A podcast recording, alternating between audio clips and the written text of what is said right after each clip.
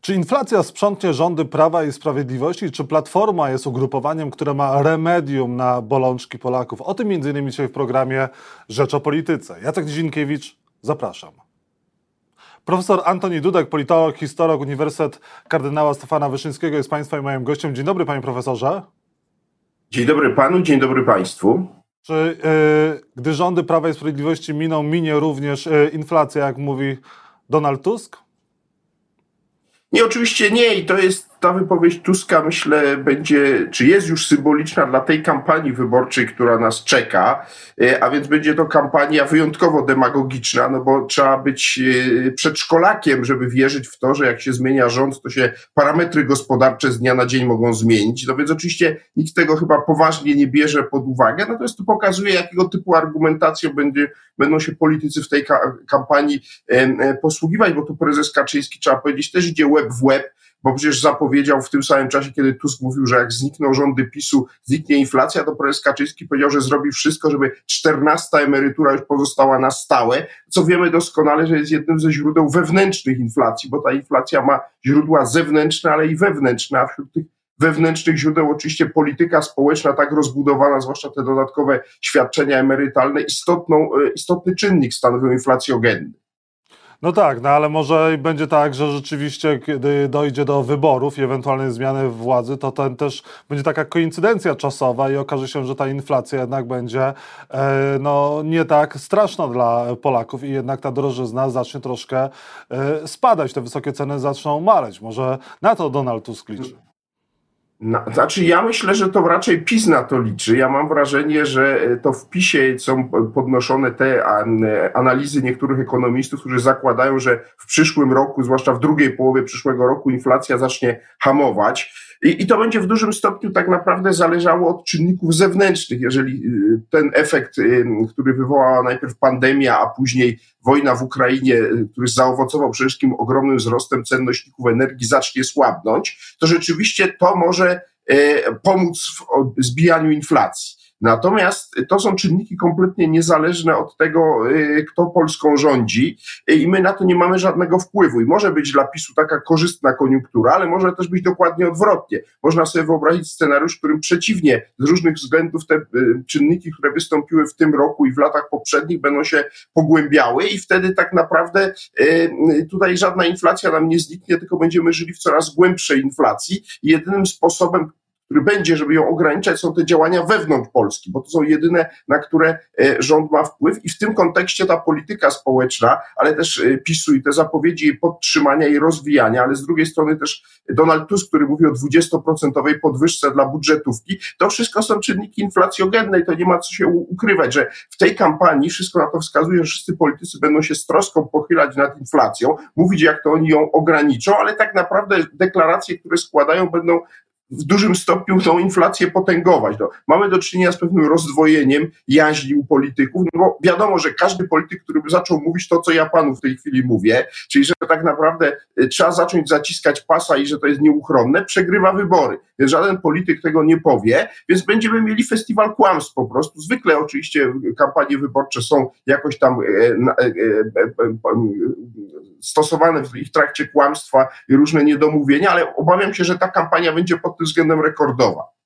No dobrze, ale z drugiej strony też o inflacji nie mówi e, Jarosław Kaczyński, ani nie mówi e, premier Mateusz Morawiecki, a przecież to oni mają moc sprawczą jako przedstawiciele partii rządzącej, jako premier i szef partii rządzącej. Wolą mówić e, o Tusku, tutaj Mateusz Morawiecki głównie, albo o LGBT Jarosław Kaczyński. Czy teraz próba wywołania jakichś demonów i straszenia LGBT może Prawu i Sprawiedliwości zaszkodzić, czy społeczeństwo znaczy pomóc, e, czy społeczeństwo jest na tyle już wyedukowane, że nie da się na to nabrać i wręcz przeciwnie, to PiSowi zaszkodzi takie granie taką antyhomofobiczną, znaczy homofobiczną kartą? Znaczy, ja nie potrafię powiedzieć, jaki będzie rezultat tych wypowiedzi Kaczyńskiego i, i, i, Morawieckiego, zarówno w odniesieniu do LGBT, jak i w odniesieniu do Tuska. Ja mam w tej chwili wrażenie, że to jest takie testowanie. Zwłaszcza prezes Kaczyński będzie na czasie tego objazdu kraju takiego wstępnego testował różne tematy. On teraz poczeka na reakcje sondażowe, na opinie, e, które będą wynikały z badań, czy temat LGBT jeszcze e, ożywia Polaków, czują się tym zagrożeni, bo jeżeli tak, to będzie o tym stale mówił przez najbliższy rok. Jak zobaczy, że to nie za bardzo pomaga, że to PiSowi mogło zaszkodzić, to się wycofa, bo ja nie mam cienia wątpliwości, że to jest temat przez niego sztucznie wywoływany. E, I tyle. No, to jest po prostu takie testowanie przez polityka na żywym organizmie elektoratu e, tego, czy jakieś, jakieś hasła e, działa, zadziałają, czy nie zadziałają. Natomiast u premiera Morego dostrzegam, oglądałem z nim obszerny wywiad w, w TVP Info wczoraj, objawy jakiejś obsesji na punkcie Donalda Tuska, dlatego że on więcej połowę tego wywiadu poświęcił Tuskowi. Wracał do tego nawet kiedy nie musiał, kiedy nie był pytany, choć część pytań oczywiście dotyczyła wprost Tuska no, mówił na poziomie, powiedziałbym, takiej osobistej wrogości yy, na granicy obsesji. To znaczy, to, to, to muszę powiedzieć, że o ile mnie to nawet nie dziwi w wydaniach wiadomości TVP, których bohaterem głównym jest Donald Tusk niezmiennie właściwie, poza jakimś tam krótkim okresem, kiedy Rafałem Trzaskowskim się zajmowano w czasie kampanii prezydenckiej, to dziwi mnie w wystąpieniach urzędującego szefa rządu, bo on w istocie rzeczy y, potwierdza, znaczy to jest tym, znaczy właściwie powiem tak, dziwi mnie i nie dziwi, dlatego że z jednej strony dla PiSu najkorzystniejszym głównym przeciwnikiem jest Donald Tusk, bo na niego jest najwięcej tej amunicji, najwięcej można go oskarżać i w tym sensie oni o nim stale mówią, żeby podtrzymywać przekonanie u Polaków, że to Tusk jest głównym przeciwnikiem, główną alternatywą dla rządów Prawa i Sprawiedliwości. Z drugiej strony w przypadku premiera Morawieckiego to zahacza już o jakieś, powiedziałbym, no właśnie osobiste, e, e, e, obsesyjne zacietrzewienie, no bo jeżeli on zaczyna wracać do bardzo niewygodnej sprawy swojego osobistego majątku premiera i mówi, że no owszem, on jest bogaty, ale on ten majątek zrobił e, przed wejściem do polityki, a Donald Tusk się dorobił na polityce, no to powiedzmy sobie jasno, no dowodzi to e, jakiegoś naprawdę bardzo osobistego traktowania tego konfliktu i to nam nie wróży niczego dobrego, dlatego że politycy profesjonalni potrafią oddzielić spór, powiedziałbym taki medialny spór Y, spór, y, który toczą na arenie publicznej, od sytuacji, w której no, kiedyś poza kamerami muszą się w jakichś sprawach dogadać, bo inaczej państwo nie może funkcjonować. Znaczy, nie może funkcjonować kraj, w którym opozycja i obóz władzy kompletnie ze sobą na, na żadnym polu nie współpracują.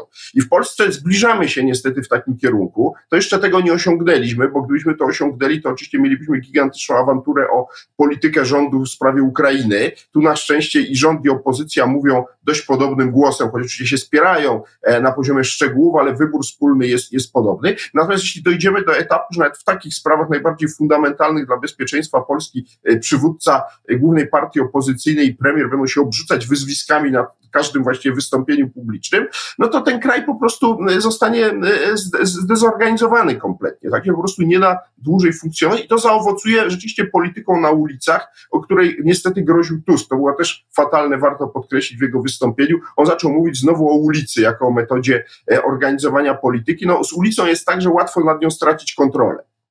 Panie profesorze, no ale jest też tak, że chyba rządzący stracili jednak kontrolę nad inflacją, drożyzną i tymi rosnącymi ratami kredytów. Dlaczego ten temat nie jest tematem wiodącym i dlaczego Prawo i Sprawiedliwość no, nie podejmuje kwestii najbardziej palących Polaków? Może tak naprawdę premier Morawiecki i Jarosław Kaczyński nie mają recept na to, jak pomóc Polakom?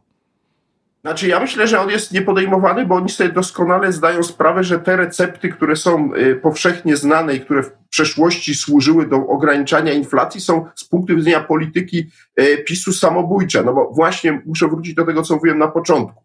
Y, rzeczywiście na to, co PiS nazywa putinflacją i na co zwala całą odpowiedzialność, nie ma rzeczywiście wpływu, bo wzrost cen e, ropy naftowej, gazu czy węgla na świecie jest e, obiektywny i na to PiS nie ma wpływu. Natomiast miałby wpływ na ograniczenie popytu wewnętrznego, no ale musiałby się na przykład wycofać z 14 emerytury prawda? Nie wypłacać jej, powiedzieć Polakom, słuchajcie, nie będzie w tym roku 14 emerytury, bo to napędza inflację. Tymczasem prezes Kaczyński idzie dokładnie w odwrotną stronę. Nie tylko mówi, że będzie w tym roku 14 emerytura, która przypomnijmy jest nadzwyczajnym świadczeniem, ale mówi, że teraz to już my zrobimy, żeby ona była co roku każdemu e, emerytowi się w Polsce należała. No to jest ewidentne potęgowanie, e, no to jest dolewanie, to jest przysłowiowe gaszenie inflacyjnego pożaru benzyną. Dlaczego PiS to robi? No bo boi się przegrać wybory. PiS doskonale wie, że cała jego, może nie cała, ale znacząca część popularności, zwłaszcza wśród tych wyborców powyżej 30%, bo do 30% to PiS ma ten swój, powiedziałbym, taki e, twardy elektorat ideologiczny, ale to, co mu daje prawo do rządzenia Polską od 2015 roku, to jest pozyskiwanie głosów tych wyborców, e, którzy dali 43% w poprzednich wyborach, to jest kilkanaście procent dodatkowo i to jest elektorat socjalny on pójdzie za tym, kto mu więcej obieca e, i w związku z tym PiS nie może sobie odpuścić e, i e, zacząć mówić prawdę o tym, jak walczyć z inflacją. On będzie obiecywał, czasem to prezes Kaczyński, zresztą, który jest szczery w wywiadach, mówi, że no mamy tu taki dylemat, bo z jednej strony to nie możemy absolutnie zrezygnować z tej prospołecznej polityki obrony interesów najuboższych Polaków, a z drugiej strony no wiemy, że to nie pomaga w walce z inflacją. No, no, oczywiście, że nie pomaga, tak jak nie pomaga przy gaszeniu pożaru dolewanie benzyny. No i to jest... Ja, ja, ja lepszy cytat przywołam z Jarosława Kaczyńskiego najnowszy, jeżeli będziemy rządzili, to dobre czasy nadejdą.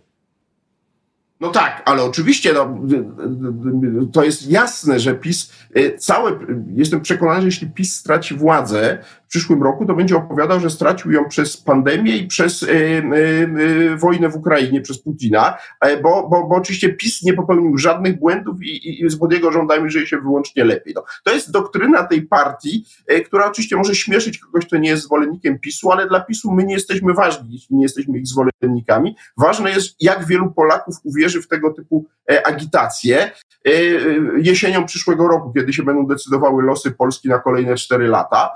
I tutaj ja oczywiście nie potrafię tego przewidzieć. Wiem tylko, że inflacja zawsze jest na dłuższą metę niekorzystna dla rządzących ponieważ coraz więcej obywateli jest wściekłych na sytuację. To jest zrozumiałe, drożyzna jest coraz bardziej dolegliwa, im dłużej trwa, bo się kończą rezerwy, oszczędności, a, a tymczasem no, przybywa różnych wydatków, bo życie idzie do przodu. I zwykle tak było dotąd w Polsce, że się za głównego winnego uważa rząd. Nawet jeżeli to nie jest w pełni uzasadnione merytorycznie, to tak ludzie uważają i tego PiS się panicznie boi, dlatego Donald Tusk tak mocno uderza w tą, tą nutę właśnie PiS inflacji. E, problem w tym, że e, tak naprawdę i Donald Tusk nie ma odpowiedzi, co z tą inflacją zrobić, poza deklaracją, że jak e, opowiada komiczne rzeczy, że jak skończy z tymi przywilejami pisowskich notabli, to nagle inflacja spadnie, bo to jest inflacjogenny czynnik. No mówmy się, przywileje pisowskich notabli są oburzające, ale w skali państwa to naprawdę nie jest znaczący czynnik inflacjogenny.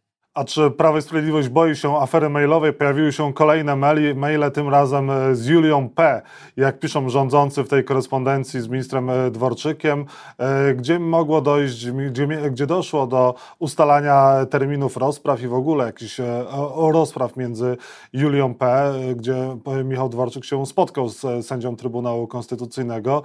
Ani Julia P. nie chce tego tłumaczyć, nie chce odpowiadać na, na te maile, ani też sam rzecznik rządu nie zamierza komentować tych maili. Na ile ta afera mailowa jest szkodliwa i też co tam mówi nam, mówią te maile ostatnie o trójpodziale władzy, który przecież powinien obowiązywać w Polsce.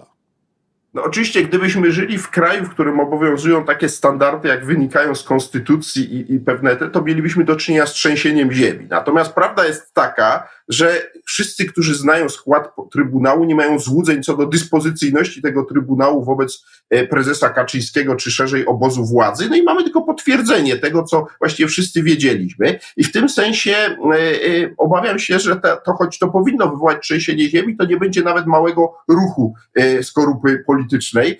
Dlaczego? No dlatego, że jedna strona będzie, czyli opozycyjna, powtarzała to, co dotąd mówi, że trójpodział w Polsce władzy został zaburzony przez próbę podporządkowania go władzy wykonawczej przez PiS i to wszyscy już oprotestowali wielokrotnie. Natomiast zwolennicy PiSu powiedzą, a bo wyście mieli poprzednio swoich sędziów, toś to wam było dobrze, a teraz jakbyśmy sędziów odzyskali w tym myślę Trybunału, to, to wam się to nie podoba. Czyli inaczej mówiąc, elektorat PiSu jest impregnowany na tego typu e, argumenty. W Polsce niestety zrozumienie dla e, reguł trójpodziału władzy, państwa prawa e, czy, czy pewnej wyższej kultury politycznej jest bardzo ograniczone i w związku z tym ja nie spodziewam się, żeby to wywołało y, y, y, taki efekt, jak kiedyś na przykład nagrania z Sowy i przyjaciół. To jest też kwestia tego, że tu mamy do czynienia z mailami. E, wtedy mieliśmy do czynienia z nagraniami. Gdyby natomiast prezes Przyłębska została nagrana jak z ministrem Dworczykiem czy z kimś innym omawia na przykład szczegóły jakiegoś korzystnego dla siebie, nie wiem, odznaczenia państwowego albo jakiejś nagrody państwowej,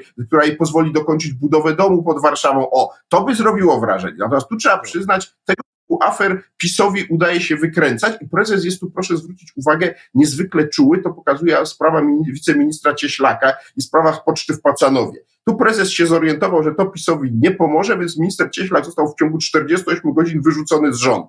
Więc to pokazuje, że prezes Kaczyński się przejmuje aferami, ale tylko tymi, które dotyczą, powiedziałbym, sfery ekonomicznej, przywileju władzy albo nadużywania takiej władzy, jak to się ministrowi Cieślakowi e, przy, przytrafiło. Natomiast tam, gdzie to dotyczy takich subtelnych kwestii, jak właśnie trójpodział władzy, e, relacje między e, władzą sądowniczą a wykonawczą, to, to prezesa Kaczyńskiego nie interesuje, bo on wie, że jego elektorat aparatu, to mówiąc w cudzysłowie, nie rusza. Panie profesorze, no ale Michał Dworczyk miał omawiać z prezesem Trybunału Konstytucyjnego, Julią Przyłębską, decyzję samego Trybunału Konstytucyjnego. No jeżeli, do, jeżeli mamy to na piśmie, jeżeli dochodziło do spotkań, jeżeli dochodziło do, a nikt nie, powie, nikt nie zaprzeczył z rządzących, że te maile są y, fałszywe, jeżeli dochodziło do umawiania wyroku orzeczeń Trybunału Konstytucyjnego z prezesem Trybunału Konstytucyjnego e, przez e, szefa kancelarii premiera, no czy to nie jest rzecz kryminogenna, to się nie, nie może skończyć konsekwencjami przyszłości dla Julii Przyłębskiej? No moim zdaniem zdecydowanie tak. Gdybyśmy próbowali przywrócić e, praworządność, to to jest sprawa do postępowania na pewno przed Trybunałem Stanu, zarówno dla ministra Dworczyka, jak i dla prezes Przyłębskiej. Tyle tylko pytanie, e, czy znajdzie się kiedyś w Sejmie większość zdolna do postawienia ich przed sądem? No i jest pytanie o wiarygodność tych maili, dlatego że to jest tak, że pan powiedział, że nie, e, że nie zaprzeczają, no dlatego, że minister Dworczyk już dawno przyjął strategię, że te maile są w ogóle niewiarygodne, on nie będzie w ogóle ich komentował. W związku z tym oni będą stosowali linii obrony. Gdyby no z kolei Jacek Saśny, wicepremier premier potwierdził e, autentyczność części tej korespondencji, które, która dotyczyła jego. No. Ja powiem w ten sposób, to ja uważam te maile za wiarygodne. Pan pewnie też, skoro mnie pan o to pyta. Natomiast politycy PiSu stosują taką taktykę, jak przed chwilą powiedziałem, oni po prostu tego nie komentują i to z ich punktu widzenia jest najlepsza taktyka. E, I jest pytanie, jak długo ją będą w stanie utrzymać, a moim zdaniem w tej sprawie będą ją w stanie utrzymać. Będą konsekwentnie odmawiać jakichkolwiek komentarzy. Liczę... My powinniśmy się zajmować e, aferą mailową, czy Polacy powinni być informowani e, na ten temat, czy jednak rządzący mają rację? Zdecydowanie tak. Zdecydowanie tak, ponieważ pan i ja uważamy te maile za wiarygodne, więc y, i one zresztą się układają w pewną logiczną całość, bo ja właśnie nie jestem zaskoczony tym, y, że, że tego typu kontakty miały miejsce. Możemy trochę mnie dziwi, że nie stosowano w tym celu bardziej ulotnego telefonu, a stosowano bardziej no, maile, które się łatwiej przechowują niż rozmowy telefoniczne. No ale to już pozostawiam do dyskusji na poziomu pewności siebie i arogancji ludzi władzy. Jak wiemy, y, każda ekipa, która popada w samozadowolenie, często zostawia po sobie różne ślady. Tu padło na ministra Dworczyka. Y, I powiem w ten sposób, dla mnie ta sprawa oczywisty sposób nadaje się do procesu przed Trybunałem Stanu, ale pod warunkiem, że znajdzie się w Sejmie większość zdolna do postawienia y, bohaterów tej, tej, tej wymiany maili przed Trybunałem Stanu, bo obie strony ewidentnie złamały pewne fundamentalne zasady określone w Konstytucji. No a najbardziej się oczywiście skompromitowała prezes Przyłębska, no bo minister Dworczyk, jak zwykle, to jest polityk, który próbuje e, e, przedstawiciela trzeciej władzy na złą drogę ściągnąć, ale zwykle przedstawiciel trzeciej władzy nie powinien się na tą złą drogę dać wciągnąć. No tutaj mamy dowód, że, że jednak chyba e, było inaczej. No i to pokazuje, no ale jak powiadam, to, co my właściwie, wie pan, pan mnie zapytał bez tej afery, czy ja uważam, że prezes Przyłębska jest niezależna od prezesa Kaczyńskiego, to mi się tylko uśmiechnął szeroko i powiedział, że oczywiście tak nie uważam, no. bo, bo, bo, bo nikt od momentu, jak została wybrana z racji tych relacji, także które nie wiedzieć, czemu prezes Kaczyński sam ujawnił, mówiąc o tych swoich odkryciu towarzyskim prezes Przyłębskiej. No, yy, mamy jasność co do tego, że tutaj mamy daleko posuniętą zażyłość, a to, że później prezes Kaczyński nas solennie zapewniał, że oczywiście on przy tych kolacjach z prezes Przyłębską absolutnie o orzecznictwie Trybunału nie rozmawia, no to niech se kto wierzy w to, kto chce wierzyć. No. Yy, ja nie mam cienia wątpliwości, jak znam biografię prezes Przyłębską, prezes Przyłębskiej, że ona jest głęboko uzależniona od prezesa Kaczyńskiego. I, i tutaj mamy tylko techniczne potwierdzenie właśnie tego typu zażyłości. My musimy się w takim razie uśmiechnąć szeroko do naszych e, widzów i podziękować panu za rozmowę. Profesor Antoni Dudek był państwa moim gościem. Bardzo dziękuję za rozmowę, panie profesorze. Dziękuję panu, dziękuję państwu, pozdrawiam.